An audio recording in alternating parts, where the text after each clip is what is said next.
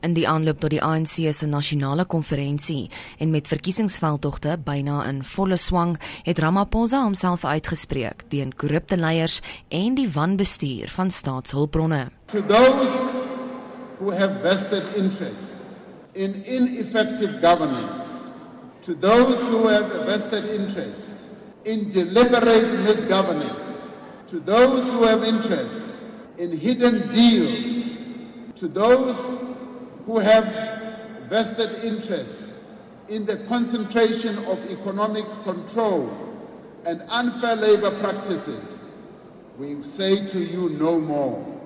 We want to see an end to all those things.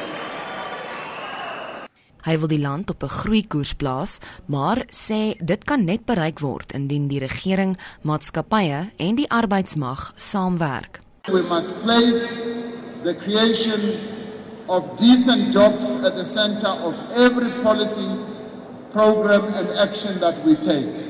Together with business, labor, and community based organizations and government, I would like to suggest that we initiate a drive that will create at least 1 million jobs in five years' time. This initiative should be largely in manufacturing.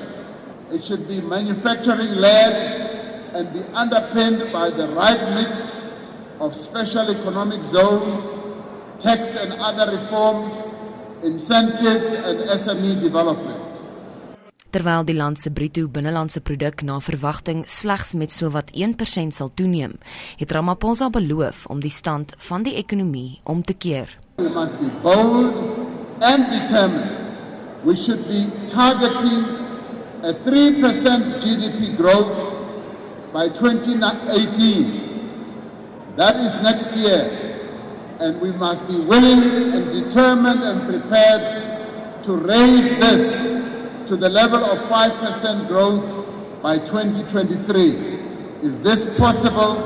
I believe that it is possible if we all work together government, business, labor and communities. Hy het beleggersvertroue as 'n sleutelprioriteit identifiseer. Hy het ook sy mening oor die beweerde staatskaping bevestig. Hy sê onder sy leiding sal die onafhanklikheid van demokratiese instellings gehandhaaf word.